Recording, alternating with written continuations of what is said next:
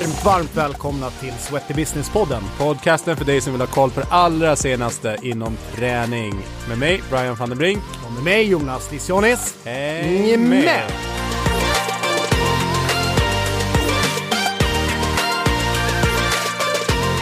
Hallå, hallå! Välkomna tillbaks till Sweaty Business-podden. Efter en eh, lång vintervila här så är vi tillbaks. Men framförallt så har vi vår gäst Pisha Strindstedt. Välkommen! Thank you! Härligt! Hur känns det att vara med i Sweaty Business-podden? Jag känner äntligen. Ja, Faktiskt. Eller hur? vi Du, du, väntade faktiskt. länge. Nej, för sen kom jag jag vi, det var i tidiga dagar av Sweaty Business-podden så var jag på det, men det blev liksom aldrig riktigt av då. Nej, Nu har vi fått till det. du Vi skyller s- på mig alltså. Nej, det var nog mer vi, eh, jag och Norberto som då drev det, som inte riktigt fick till det. Eh, hur som helst, vi är superglada att ha det här och eh, temat idag, vi kommer försöka hålla ett tema per, per avsnitt. Och idag handlar det om eh, entreprenörskap, skapa sig en eh, en hållbar eh, karriär inom träningsbranschen. Och Jag tycker du är en fantastisk inspiratör på det sättet. Och jag har sett och följt med. Vi körde utomhus bootcamps på, i olika parker. Tillsamm eller tillsammans men eh, på samma ytor egentligen. Men olika typer av grupper då. Redan 2011-2012. Eh, och sen har jag sett din karriär fortsätta efter det. Så att eh, vi ska grotta oss in i, i det. Måste bara säga ganska häftig bredd du har på målgruppen nu, nu till. Allt Ja. från barn och ungdomar till när vi kom hit på, vi sitter och poddar idag på grymma Clarion Sign här. Och då var värden för konferensavdelningen här kommit fram och i princip kände dig via sociala medier. Det var ganska talande tror jag för, Ja. eh, för eh, din energi och hur du når ut. Ja men det Eh, är jättekul faktiskt. Även om jag själv ibland känner att det är att jag når ut till flest tjejer och kanske runt min egen ålder.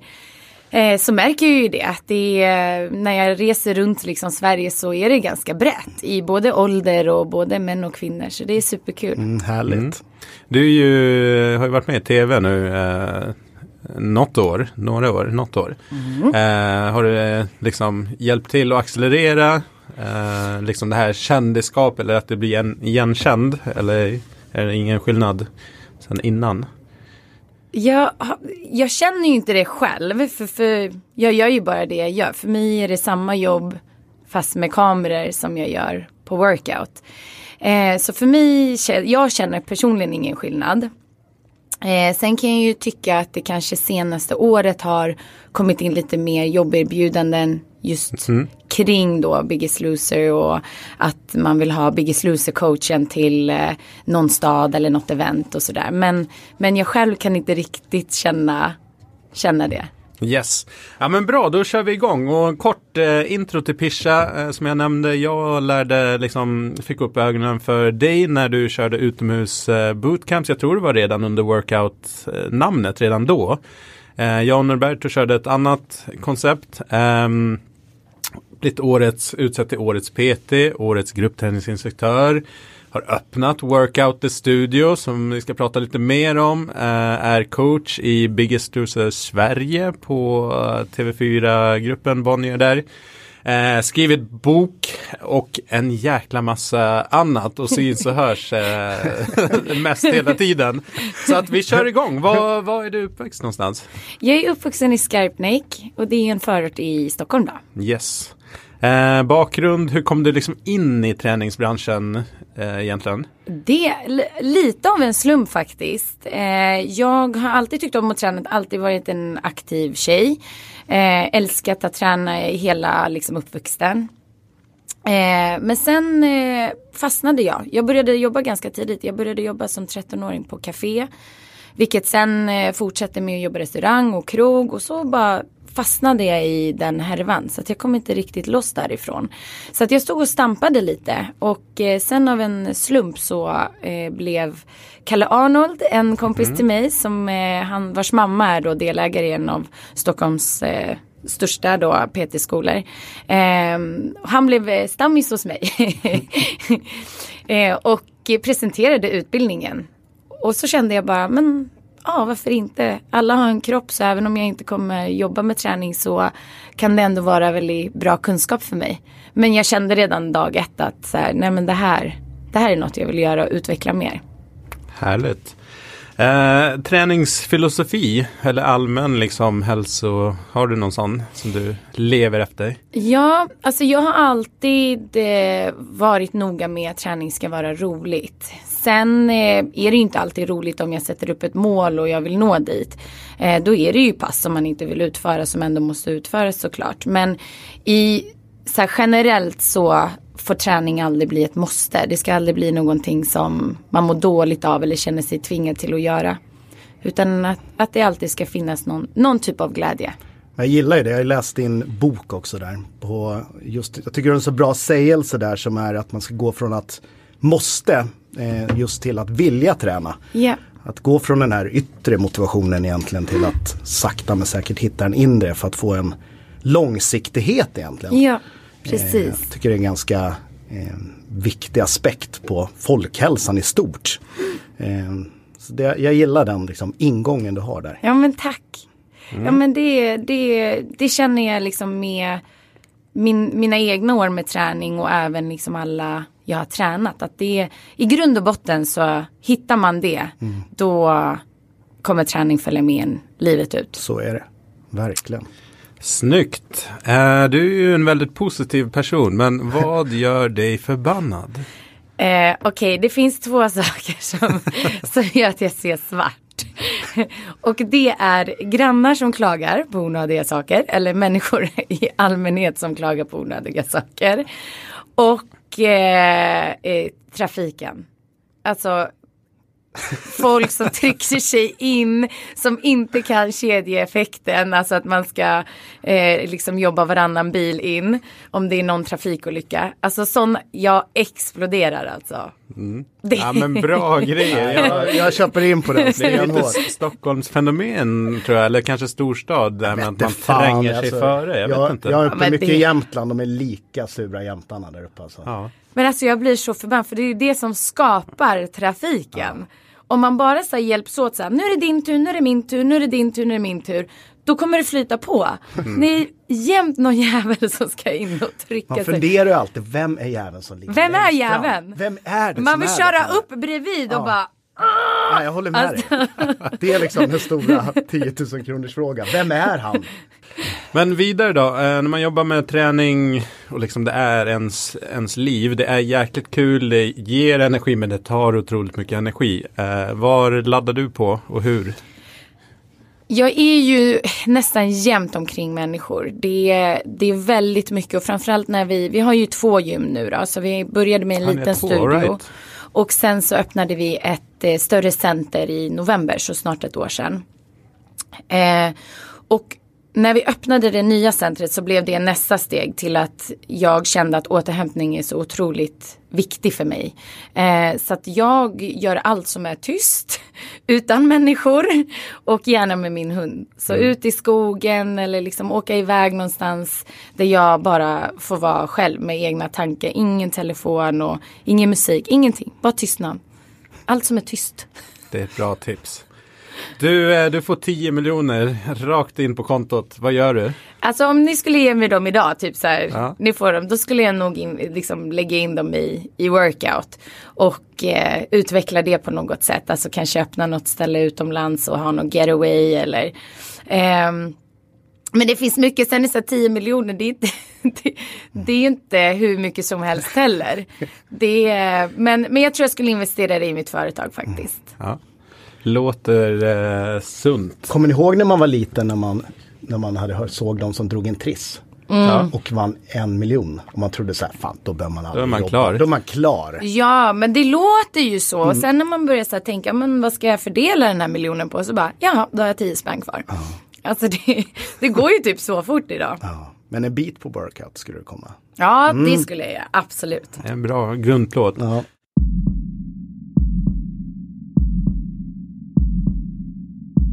Du var inne på det här. Du eh, träffade Kalle Arnold, Academy, utbildade till PT då, eller grupptränare? Eh, till PT. PT. Vad, vad hände sen? Hur liksom började du jobba och liksom, vad, vad var vägen fram liksom in i att arbeta med, med träning? Jag kände ju från att jag hade då stått och stampat så länge och jobbat liksom i restaurang och, och på ett sätt så är eh, just liksom jobbet ganska likt. Alltså det är många timmar, det är mycket slit. Eh, man får alltid ställa upp. Det, det är, ett, tuff, det är en, ett tufft jobb. Och jag kände så här, okej, okay, ska jag gå min egen väg eller ska jag liksom bara byta yrke och ändå leva likadant?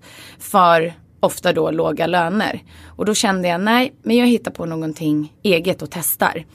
Eh, och då hade jag faktiskt under den tiden också hunnit bli lite bekant med Lofsan. Mm. Och hon coachade mig lite grann där i början och sa bara, nej men vet du vad, för då var hon i sitt vägskäl till också att starta sitt eget och kliva ifrån just eh, gymvärlden som anställd. Eh, och då sa hon, nej vet du vad, kasta dig ut och bara se vad som händer. Och man brukar oftast inte behöva säga det två gånger till mig utan då, då gör jag det. Mm, ja. eh, så jag testade och då började jag liksom fundera på okej okay, hur ska jag hur ska jag lära mig saker så snabbt som möjligt och jag eh, behöver ju hitta folk som vill träna med mig. Eh, så jag gjorde ganska mycket gratisjobb. Eh, jag bjöd in till olika träningspass utomhus då. Eh, och ur det väcktes då workout som blev det som du nämnde tidigare idag. Lite utomhus bootcamps och, och sådär. Och det, det vet du väl själv hur det var. Alltså ja. ibland stod man med tre pers, ibland var det 30, ibland var det ingen. Det var en, det var en, en, speciell tid som kanske inte riktigt kommer tillbaka heller. Nej, för nu har det där liksom med bootcamps. Dels är det fler som kanske håller på men också att det kommer gym som, som liksom liknar bootcamp-upplägget fast man gör det inne i lokaler liksom som är anpassade. Så att det har blivit någonting annat ja, idag. Det var verkligen en, en liten era där med mm military bootcamps. Ja men man kunde vara i Vasaparken eller Rålis och det var liksom fyra, fem olika koncept ja. samtidigt som körde sin, sin grej. Mm. Men jag ty tycker så efter, vi pratade om det lite innan vi började podda också det här med branschen och vi har poddat om det förut också Brian varför det är så många PT som börjar men slutar. Vilket är tyvärr. Eh, men jag tror du är inne på en, en ganska spännande sak. Där man jag tror många liksom inte är beredda att göra jobbet. Är, mm. Du sa det, jag gjorde mycket, bjöd på mycket saker, mm. eh, hade gratis event. Jag tror liksom att man eh, det handlar om att göra det hårda jobbet bakom mm, också. Mm. Du är inte fullbokad från dag ett. Nej. Du har inte 40 pass i parken när du kör eller fyller en träningsresa. Jag tycker det är Många är rädda för att jobba gratis. Mm. Sen man kan ju liksom välja, jag brukar istället för att prata om att jobba gratis och jag ser det mer som investerad marknadspeng. det är liksom vår, det vi kan bidra med. Mm. Jag tror inte man kan säga om det vi har pratat om det innan men nog många gånger. Det funkar liksom inte i någon bransch att, vi pratade om frisöryrket innan. Mm. Man kan inte hyra in sig på en frisörstol och tro att man ska klippa tio kunder om dagen. Nej. Det är ju samma i vår bransch. Eh, så jag tycker det är så häftigt att du säger det för att många ser ju bara nu Mm. När du drar fullt, syns på tv. Det här och vi nej, pratade om, toppen varit, på isberget. Ja, det har varit många slitiga timmar. Det har det verkligen varit. Och ibland tänker jag ju liksom så här. Om jag hade kunnat haft en tidsmaskin och åkt liksom fram i tiden mm. och, och, och, så här, okej okay, men det är så här mycket tid du kommer behöva lägga ner. Eh, och du kommer förlora relationer och det kommer rubba liksom relationer. Eh, det kommer förändra väldigt mycket i hur jag levde mitt liv. Mm. Så ibland tänker jag så här, oj vad mycket jag har offrat. Ja. Eh, men det har känts naturligt. Mm. Det har varit, jag har varit väldigt målmedveten, jag har varit väldigt driven framåt. Och i vissa perioder har det ju varit lite ångest mm. såklart. Det, man har blivit ledsen liksom för att så här, ja men man umgås inte lika mycket med sina vänner och sådär. Men eh, sen idag liksom så känner jag ju att hemskt nog. Det, var, mm. att det, det, det är ju värt det. Det var ju hit jag ville. Det, är ju liksom, det var ju det här jag strävade mot. Men att jag visste det inte alltid. Nej. Att det var hit jag skulle. Eh, men jag skulle framåt. Är det någonting, jag, både jag och Brian är ute och jobbar mycket med ska man säga, affärsutveckling inom träning och hjälper gym och företag. Och jag har ju drivit mycket utbildning. Är det något du känner att man för branschen måste bli bättre hela tiden. Om vi ser utbildningssidan där, är det någonting du känner att vi borde krydda upp våra PT-utbildningar med. För att lättare hjälpa till efter. Mm. Alltså jag tror ju att eh, lite som det vi var inne på liksom, efter utbildningarna. Men jag tycker att man även skulle kunna ha en sån period under en utbildning att man får gå med, med en person som redan jobbar. Eh, försöka att inte ha så korta utbildningar. Mm. Alltså jag har aldrig varit jätteduktig i skolan. Så för mig en sådär super liksom intensiv utbildning. Det var ganska tufft. Mm. Eh, sen var ju jag superintresserad. Mm. Så då suger man ju in allting i alla fall. Men det tog väldigt lång tid innan allt landade. Så att jag tror på lite längre utbildningar och sen att man faktiskt kommer ut ja. och får se yrket på riktigt. För det är en helt annan sak i skolan och läsa böckerna och kunna vad som står i böckerna till att faktiskt komma ut och möta människor. Mm. Ja, jag tycker det är häftigt som du säger, just det där med Lofsan supporterade lite vid det i början, mm. eller ni varann, att hitta någon form av mentorskap. Jag tycker vi generellt sett är usla på det i Sverige. Om man reser runt i andra länder och framförallt kanske USA där det finns en helt annan mm.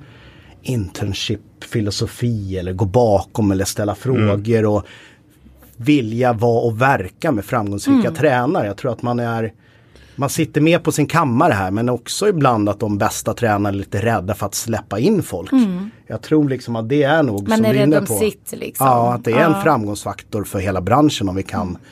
Jobba mer i mentorskap. Och, eh. Ja, så det finns ju tillräckligt med människor som, eh, som ska eller vill träna. Verkligen. Eh, så att eh, jag har aldrig trott på liksom så här, att man ska konkurrera mot varandra och det var ju många som reagerade så här, åh gud ska du verkligen öppna eget liksom och ja, det finns ju redan så mycket gym och de här stora gymmen ska du liksom kämpa mot dem så, så där, men alla kanske inte vill vara där. Nej. Det finns ju de som kanske vill vara hos mig.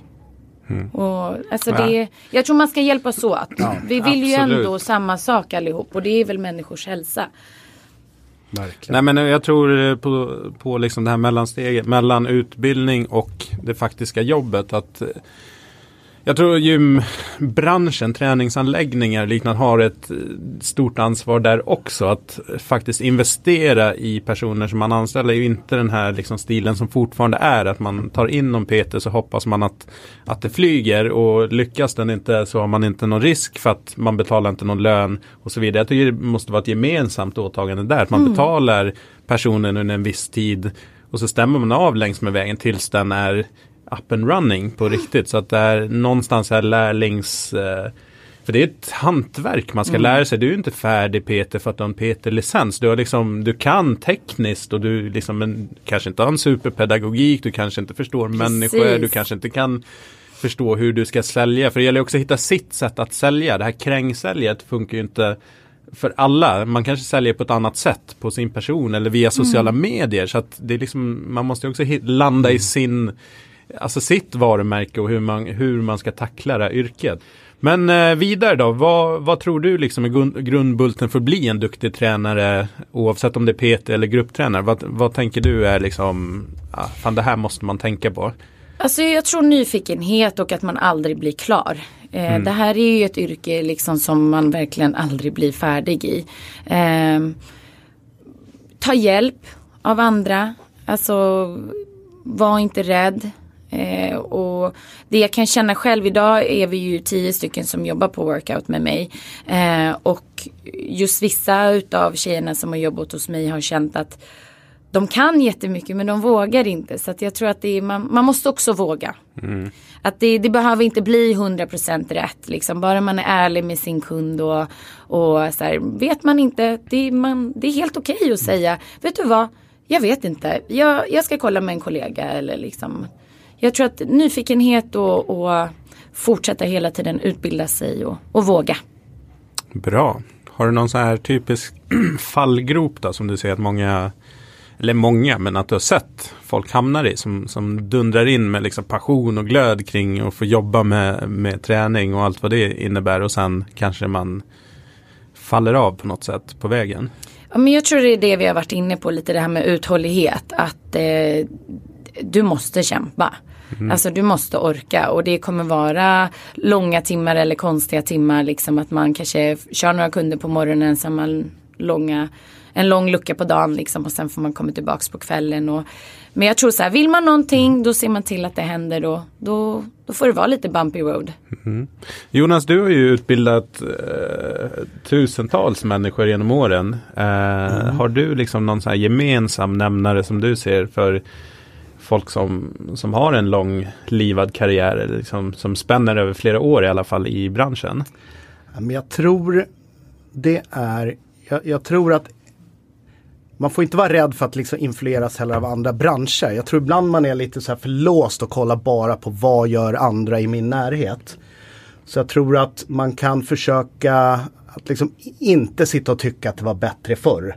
Utan man försöker vara innovativ och innovativ av att se vad andra branscher gör. Som har en stark koppling som du sa. Det kan vara hotell och restaurang eller resebranschen eller vad som helst.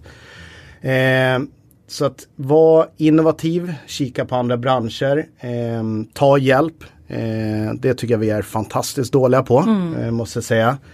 Eh, men också det här att det är, det krävs, jag tror man måste liksom vara, man kan inte nog säga det, det funkar liksom inte att öppna upp en studio, starta en träningsresa, eh, jobba som PT på en anledning och tro att man har kö ut på gatan från dag ett det är ett hårt jobb under ett halvår, år minst och sen minst, fortsatt. Ja. Och sen fortsatt hårt jobb hela ja. tiden. Det, jag tror ibland att man kommer ut och så ser man de här framgångsrika tränarna. Och så ser man den här klassiska toppen på isberget. Man ser liksom inte de här 95 procenten av isberget som ligger där under. Alla vidareutbildningar man har gått, alla resor man har gjort, event man har besökt timmar man har läst, lagt ner, jobbat gratis. Mm. Om vi nu ska kalla det gratis, eller investerat tid. Investera, det, ja. jag, det var så mm. bra sagt. Ja, jag, jag tror liksom inte ja. man, man, man, man liksom, det krävs ett jäkla hårt jobb mm. och det är ju inte bara vår bransch och det blir jag nästan lite irriterad på ibland. Mm. Folk, folk lägger nästan mer om man ska starta en liksom, rullande korvkiosk utanför liksom, Friends Arena så lägger man ner mer tid på research och söker pengar och kolla olika korvsorter och senap och ketchup eller vad det var. Men man tror liksom att det är lika. Men att öppna upp ett gym eller starta en träningsresa, det kan man göra bara för att det är kul. Ja, ja, precis. Och kul är ju, ja. men kul fyller ingen träningsresa enbart. Nej. Utan det handlar om mycket, mycket mer. Och i slutändan så blir det inte så kul om man inte tjänar pengar på det. Alltså att man kan överleva och helst liksom lite därtill att det ska vara värt alla timmarna. Så att att det är kul, det är kul ett tag och sen mm. kommer man till en, en verklighet som kan bli jäkligt och då blir det plötsligt en sur känsla kring, kring det här ja. branschen och yrket. Så att den, är, den ska man passa sig lite för.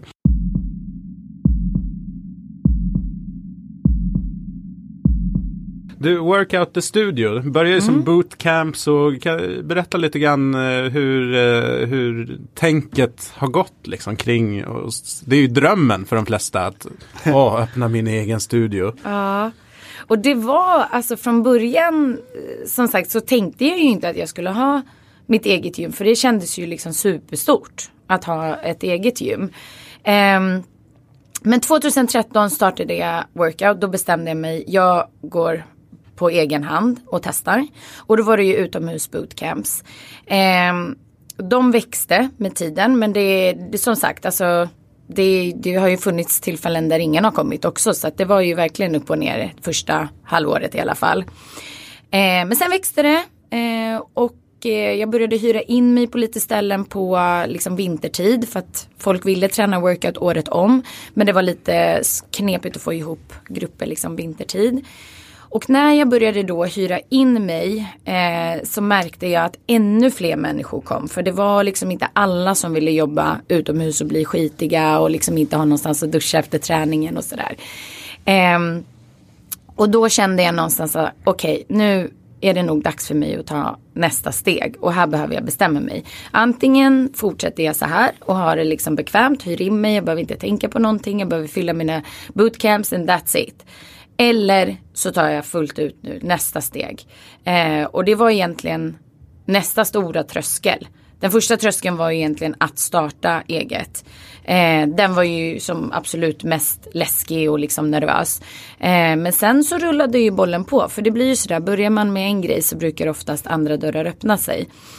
Eh, men just det här med gymmet, då kände jag så här, men jag kommer inte själv vara tillräcklig. Så då gick jag ihop med eh, en eh, kille som heter Kalle då, som har varit som min mentor i min egen träning. Och vi är väldigt olika, vi är som dag och natt men eh, det kändes rätt.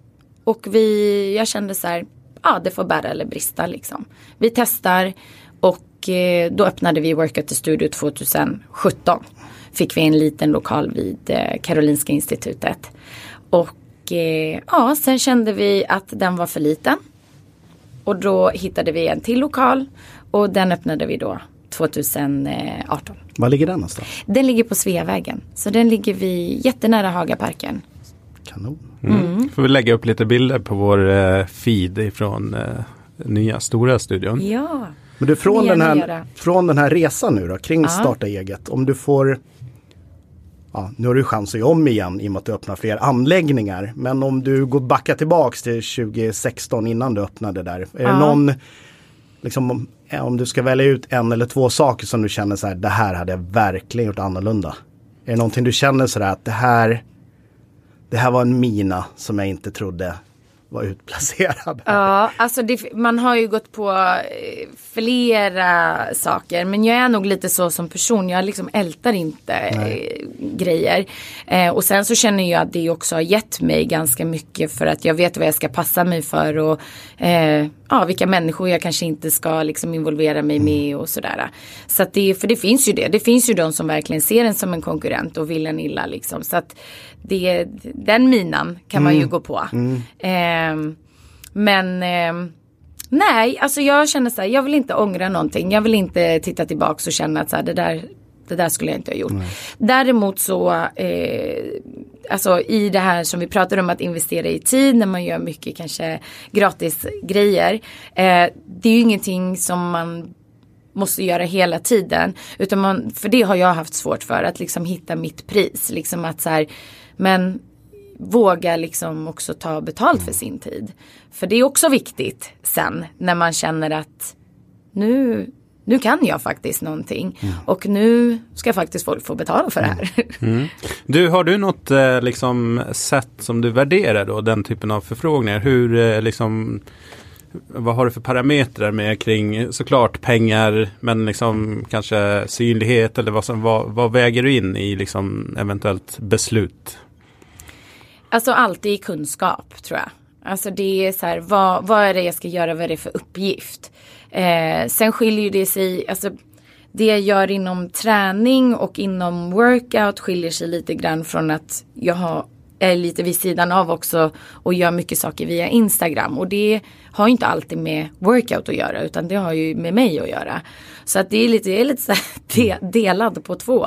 Så när det kommer till träningsyrket och där känner jag, där är det mycket mer ehm, kanske djup eller liksom där har jag lagt ner mycket tid på utbildning och, och att eh, göra mycket gratisarbeten och, och sådär. Så att där känner jag absolut att det är lättare för mig att prissätta mig än att eh, ja, jag ska hjälp, samarbeta kring en produkt eller sådär. Du, jag tyckte det här var jätteintressant med, med att teama upp med någon annan. För den fällan är ju också lätt att hamna i att man man hoppar in själv eller man kanske är till och med två men det blir för stort projekt och det sväljer, upp, sväljer en. Eh, liksom, kan du berätta lite mer kring, eh, liksom, det är ju, hur kom, ni är olika men är det, jag antar att det är bra i och med att ni har fortsatt ändå. Liksom, att man kanske, de delarna som du inte tycker är kul och vice versa. Kan du berätta lite om, om det? Det var ju faktiskt exakt det jag vägde eh, upp med. Eh, alltså jag har ju mina workouter som har varit med många från dag ett, från 2013 när vi stod på ett fält i Årsta, eh, till idag. Och jag vet att många av dem nästan liksom ryggade och bara what the fuck. För vi är så olika. Kalle är väldigt liksom rak på sak. Han kommer inte säga att det är bra om det är dåligt. Och, medan jag är så här, jo men vi hittar namn liksom. Vi, vi, vi, våran pedagogik fungerar lite olika. eh, men det är också det som jag har gillat med Kalle och varför jag, jag vet att jag alltid får ett ärligt svar. Eh, han älskar att sitta med liksom Excelblad och statistik och liksom tabeller. Det är liksom, han går igång på sådana saker. Och jag får liksom huvudvärk. Mm. Så att där kände jag så här, men bara den delen kommer vara vä väldigt viktig för Workat för, för, för dess utveckling. Mm. Just för att han är duktig på sånt. Han gillar att sitta och liksom pilla och räkna och sen är han väldigt duktig inom kost. Mm. Och det är ett ämne som jag inte har fördjupat mig så mycket i. Um, så att um, ja, så blev det. Vi testade, vi kände ju varandra från innan. Han hade ju tränat mig under många år. Eh, så att det kändes, det kändes väldigt rätt och det mm. känns fortfarande väldigt rätt.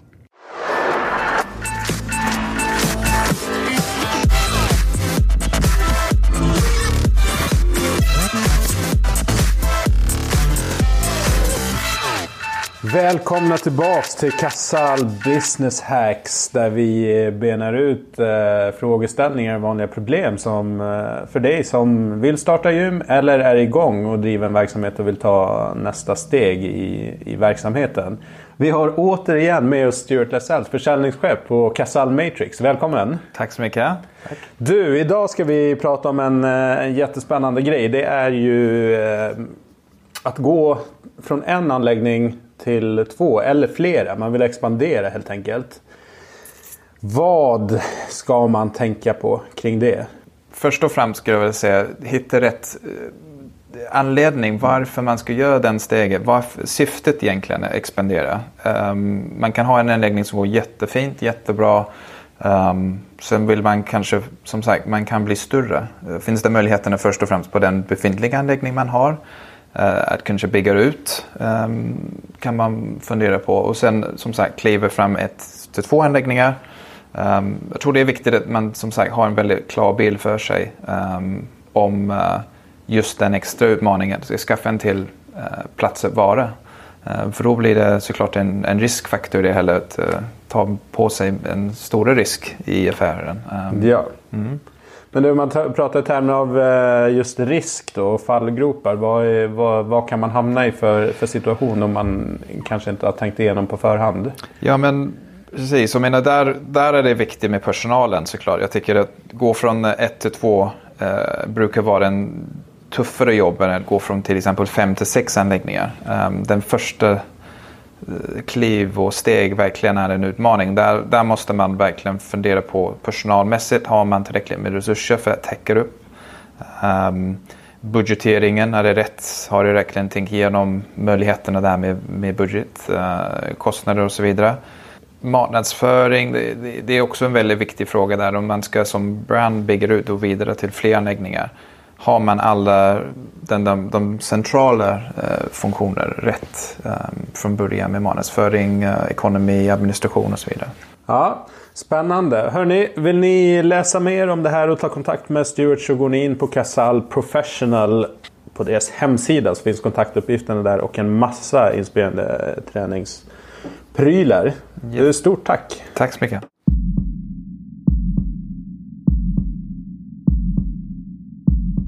Du, vi glider in lite på det här influencerlivet som då är kanske den, den andra delen som kommer av en, en bieffekt av att du är duktig på det, det du gör och lyckas skapa ett varumärke inom det och blir såklart intressant för andra typer av företag och tjänster kanske att, att synas. Um, hur liksom hur, eh, hur tacklar du den, den delen som influencer? För vi hade Lofsan i podden och hon sa nej men jag är ingen influencer. Och vi bara jo men du är en, en influencer vare sig du vill eller Jag känner mig inte heller som det. Eh, för jag har ju faktiskt eh, vänner som, alltså det är deras jobb. Liksom. Ja. De jobbar som influencers. Och då känner jag att jag gör inte ens i närheten av vad de gör. Eh, men eh, ja, jag förstår att jag kanske också glider under den kategorin lite grann. Eh, och det är väldigt roligt för att det är så kul att få ja, men, återigen samarbeta med andra företag och, och ehm, få inspiration och liksom ja, vi hjälper varandra. Mm. Lyfter varandra. Mm. Det, tycker jag är, det tycker jag är det roligaste med, med den biten. Yes, influencer Pisha då, hur eh, värderar hon liksom kontra ditt personliga varumärke och liksom okej okay, här finns en påse med pengar och en produkt. Eh, jag gillar den eller gillar den kanske lite mindre. Men eh, hur liksom tänker du när du kommer förfrågningar? Eh, jag är väldigt eh, noga med vad jag väljer ut. Alltså det måste gå under alltså det jag sysslar med och det som jag kan stå för. Sen finns det produkter som jag väljer att samarbeta med men som jag kanske inte själv använder.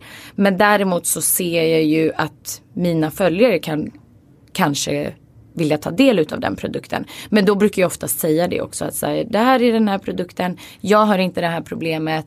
Eller eh, liksom behovet. Men någon av er kanske har det. För att jag ändå har ganska bra koll på de som följer mig. Jag har ändå försöker svara på alla DMs och kommentarer och sådär. Mm. Du, du har ju nästan 50 000 följare på Instagram. Det är ju, alltså jag och Svette Business och Jonas, liksom, vi, vi märker, alltså om vi lägger ut, alltså vi kan ju få några hundra likes och liksom ja, 50-60 kommentarer. Då tycker vi att, att det är mycket. Liksom. Kanon! Det är jättebra! ja, Kanon 50-60 kommentarer, det är väl superbra. Ja, men det är när jag lägger ut Vi går på som mål. Då, då, då, då blir det så. Det, det tycker Nej, jag verkligen Men, men det kommer ju också ett, ett ansvar för man har byggt upp och folk mm. litar och tycker bra om det. Alltså, Känner du liksom en press kring det, att leverera material till sociala medierna eller känns det mer som en naturligt i det du gör? Liksom? Eh, jag tror att jag var mer eh, stressad över det förut. Eh, att jag behövde posta och sådär. Eh, men då tror jag också att jag var mycket rörigare i mitt material. Alltså det var, jag hade inte riktigt koll på så här, är det en selfie eller är det mat eller är det träning? Vad, liksom, vad ska jag posta? Är det liksom mig de är intresserade av eller är det bara fokus på liksom fakta? Eh, men med tiden så började det växa fram och jag, jag gillar när det är strukturerat och liksom ordning och reda. Så att eh, jag behövde för mig själv hitta struktur. Mm. Och nu tycker jag att jag har hittat den. men har liksom... du gjort en liksom contentplan, innehållsplan eller plan men mer så här och i den här typen av inlägg ja. så ser en vecka ut. Och ja, sen jobbar och jag ser den. ju också ganska liksom väl vad det är eh, folk vill se. Och det är ju egentligen så är det ju mest träningsvideos. Det, jag skapade ju en eh, hashtag som heter pischa piskar och den har ju blivit jättepoppis. så den delas ju hej vilt och den har jag ju märkt verkligen har så här eh, kraft. Eh, så att de inläggen är superpopulära men samtidigt kanske inte att det bara ska vara det utan då och då har jag faktiskt någonting att säga och då brukar jag säga det med någon snygg bild kanske ja. från någon fotografering eller sådär.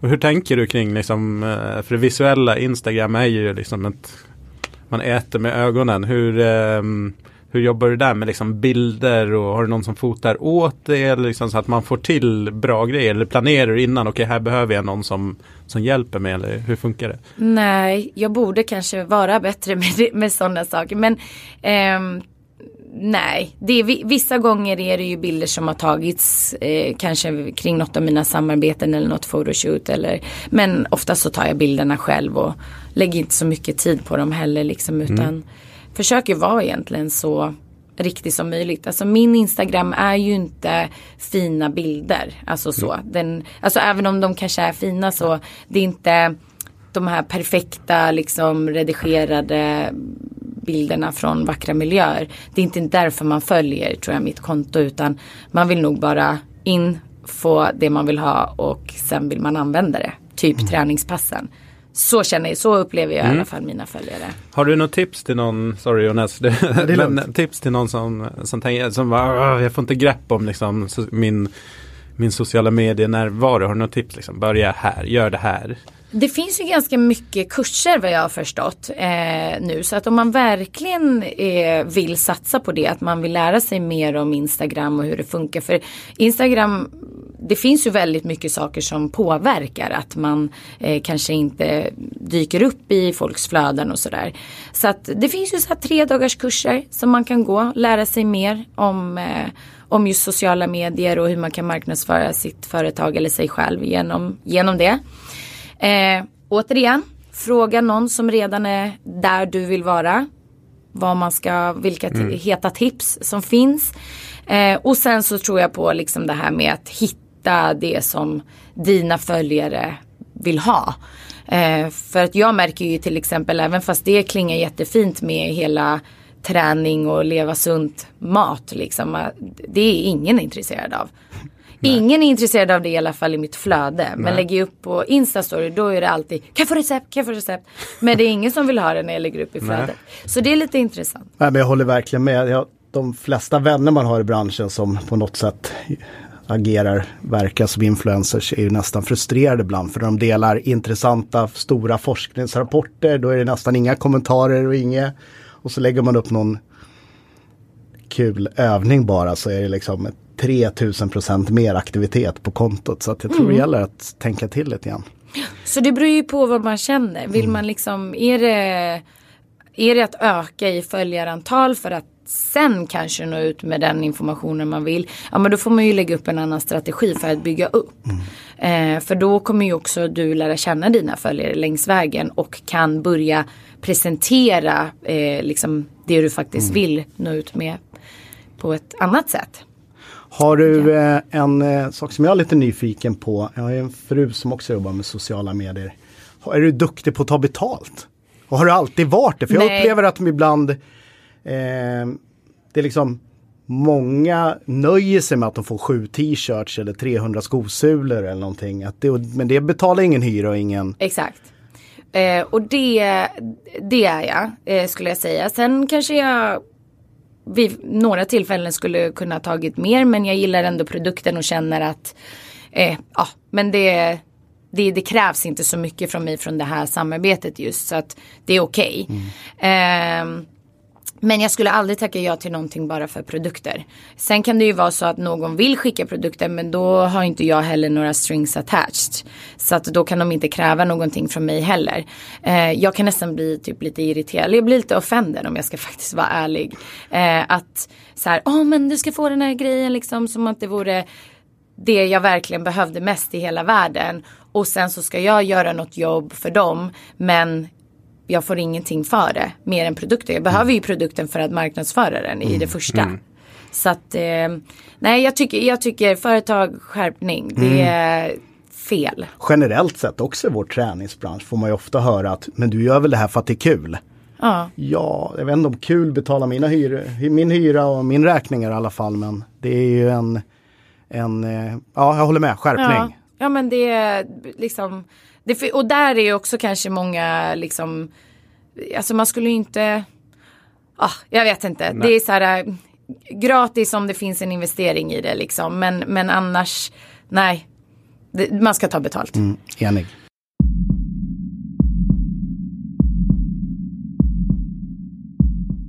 Du, uh, Biggest Loser, det, det här avsnittet handlar inte så mycket om det, men kan du liksom, mm, att jobba med programmet, hur är det? Jag älskar det. Jag tycker det, det är så fantastiskt att jag ibland blir lite så här, ah, jag vill aldrig att det ska ta slut för att det är så himla roligt.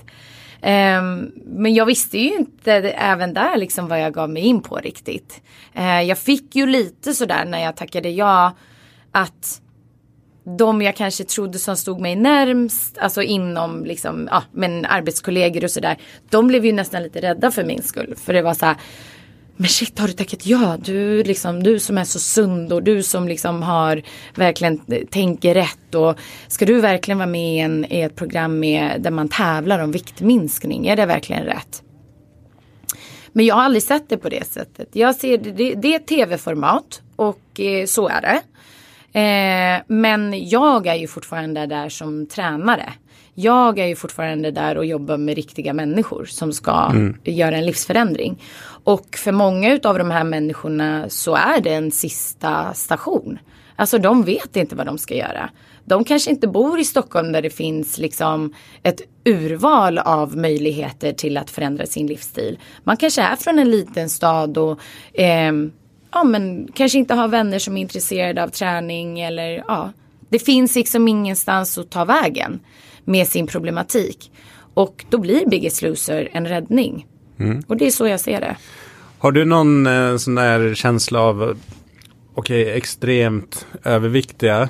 Att man hamnar i den situationen, att liksom det finns någon slags gemensam, eller gemensamma nämnare liksom kring, kring den. För att många kan ju ibland säga, ja ah, men det är ju väl bara att börja träna och käka mindre liksom. Men eh, lite mer komplicerat mm. än så. Har du någon, några spaningar kring det bakomliggande som du har upplevt? Alltså det, det är en mental resa. För att det är ju ingen som vill hamna där. Eh, oavsett om det är liksom viktuppgång eller väldigt mycket nedgång. Så är det ju ingen, alltså de vill inte vara där. Det är ingen som vill vara begränsad i sin egen kropp. Så är det bara. Så att eh, absolut, det är bara att träna och, och, och käka rätt. Men du behöver ju nå dit mentalt också. Och eh, den resan är mycket längre än att liksom sluta äta dåliga saker. Mm. Coolt. Vad händer du med fortsatt i Biggest Loser? Ni mm. har eller håller vi på? Spelar in Ni nu. spelar in ja, nu? Vi är snart, snart klara med min tredje säsong då. Häftigt. Mm. Ja, jag var lite nyfiken på, du var inne på det redan lite grann, hur, hur man balanserar, för att man förstår, det är tv-format. Mm. Och viktförändring och mentala resor kan ju vara liksom, det här blir för någon form av kickstart nästan och man vet ju att det behövs liksom över längre tid. Att hitta, hur fasiken hittar man balansen mellan få det så spännande att funka i tv-format kontra till det man vet funkar evidensbaserat via träningslära och liksom sådana processer kopplat till sitt eget varumärke. Mm. Jag, det är en svår balans. Ja, för det går inte heller att du kommer ut till slottet och säger så här, hörni gänget, nu Tänk tre år fram. Ja, nej. Då får du sparken. Ja, alltså det, det, det jag tycker är, i alla fall från de säsongerna jag har kommit in, att produktionen har varit väldigt, väldigt mån om att lyssna på mig och Micke som är min kollega. Eh, och det vet jag inte alls om det inte har varit så innan. Men jag har i alla fall alltid känt, känt att jag har stöd både från kanalen och från produktionsbolaget. Eh, att de förlitar sig på att vi, vi gör rätt. Mm. Eh, vi har också till den här säsongen som kommer nu även fått in mycket mer samarbete med eh, Dr. Mikael och Kristina som sköter kosten. För att det är ju det och det är det de måste förstå att så här, det går inte bara att träna utan du måste lära dig om kost och du måste förstå vad eh, för hälsoeffekter det här har. Eh, så det är viktigt att man är ett team runt de här personerna. Sen är det ju också väldigt mycket tid som vi lägger utanför själva eh, filmningen. Så att jag och Mikael stannar ju kvar eller att vi kommer tidigare eller att vi på något sätt eh, ja, ger dem information genom andra personer som jobbar med dem på plats och sådär. För vi är inte ute varje dag utan vi är där fyra dagar i veckan. Eh, men eh, ja, det, mm. alltså, det är inte lätt. Nej, det är inte det. lätt men det, det är väldigt kul och det går ju framåt för de flesta. Kul. Du, på det här temat så har vi en lyssnarfråga från eh, Danne Eklund. Faktiskt en gammal, eh, eller en gammal, han är en, en kompis till mig, men en gammal, gammal granne från när vi Aha. växte upp. Det här med att vissa fastnar för träning. Som att de, man har lätt att ta till sig det och liksom skapa en vana medan andra kanske in och ut eller inte alls kommer igång det. Tror du att det är någonting som alla kan lära sig att tycka om och skapa den vanan eller en viss personlighet som, eh, som, som driver det. Liksom. Med trä- alltså just att eh, ja, tycka om träning? Kan typ. alla ja. lära sig att tycka om träning egentligen och få den livsstilen? Eller vanan i alla fall.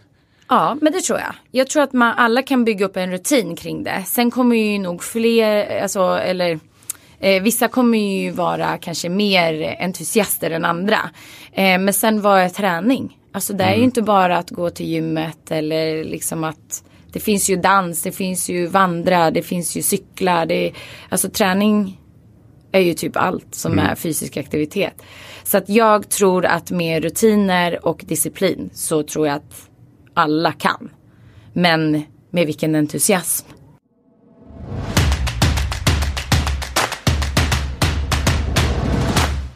Vi är framme vid avrundningen på avsnittet och eh, med sex snabba.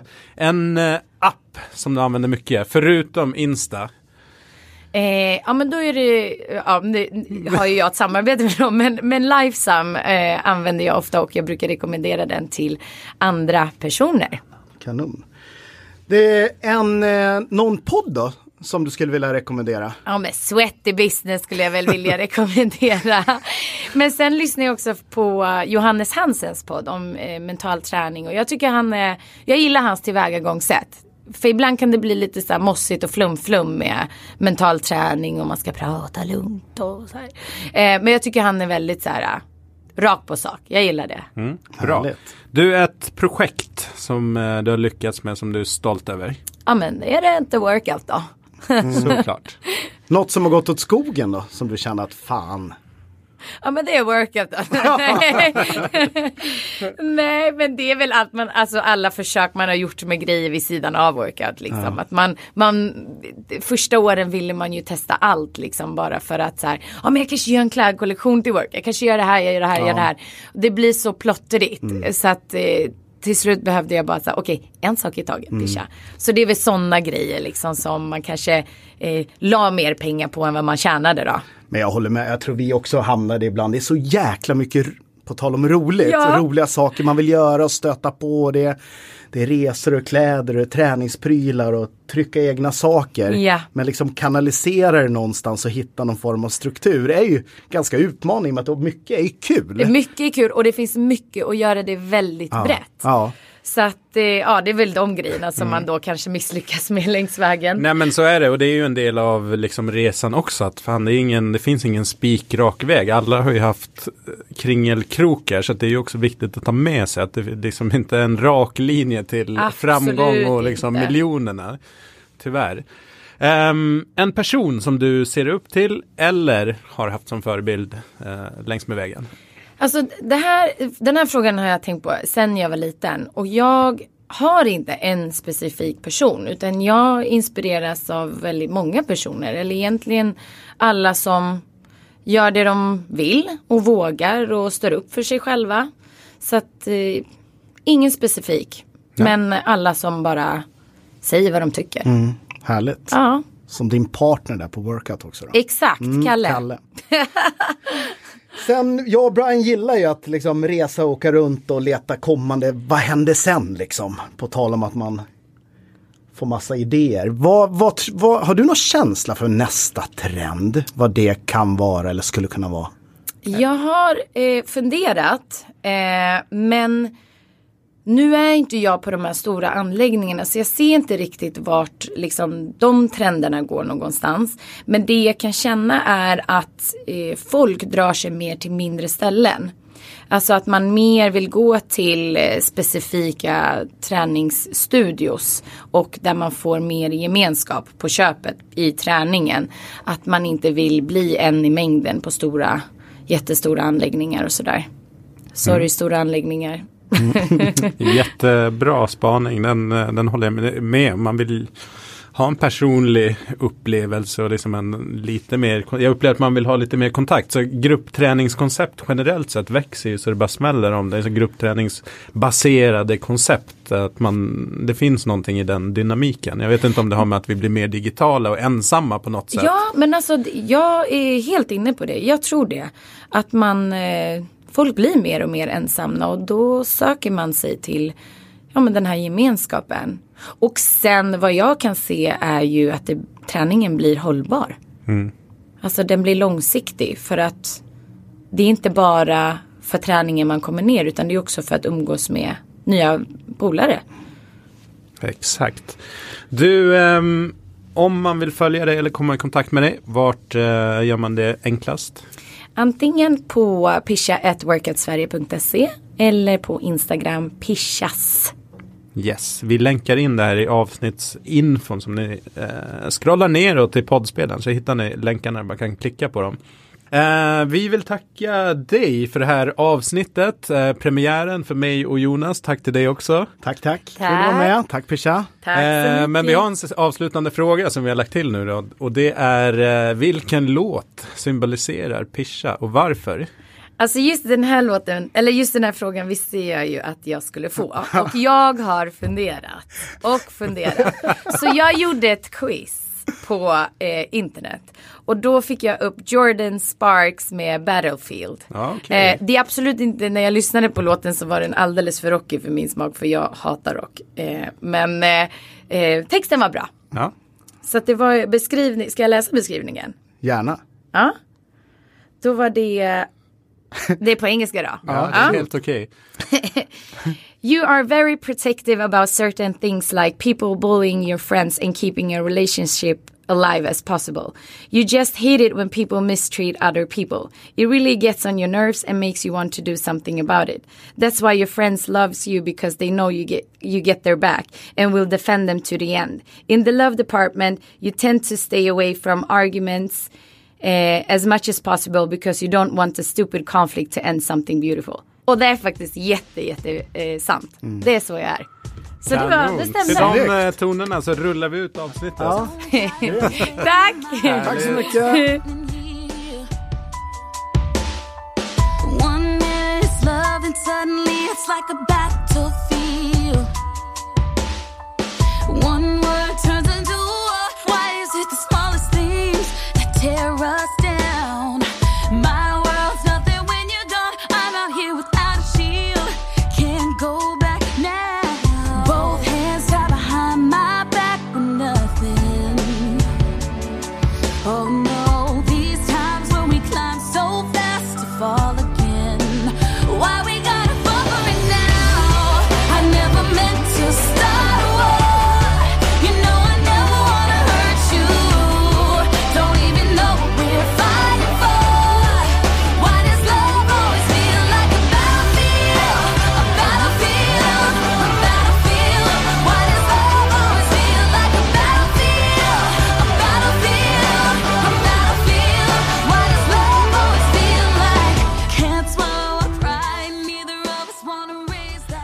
Stort tack för att du lyssnar på podden. Häng med i vardagen. Där får du dagliga uppdateringar på Facebook, Instagram och LinkedIn. Sweaty Business eller Sweaty Business Media.